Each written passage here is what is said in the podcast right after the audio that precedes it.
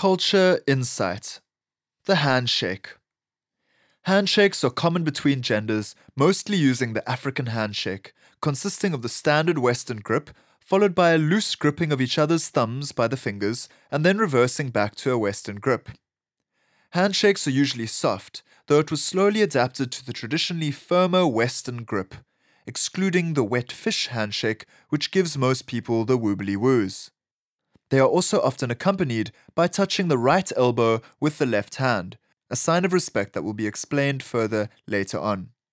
Handshakes between good friends can last for minutes, often the whole conversation, with the action, thumb clasp, repeating itself as a sign that the conversation is ending. It's common for men to hold hands even whilst walking down the road.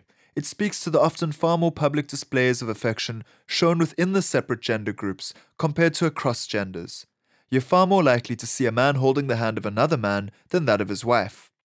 The other man is likely to be a good friend and peer, and they may well have passed through the manhood initiation ulwaluko together.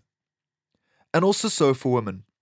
This is because the culture generally separates out the groups, with each group having their own place to hang out at public gatherings, as well as expectations, taboos, and roles assigned to people not only dependent on their gender, but also on their age group.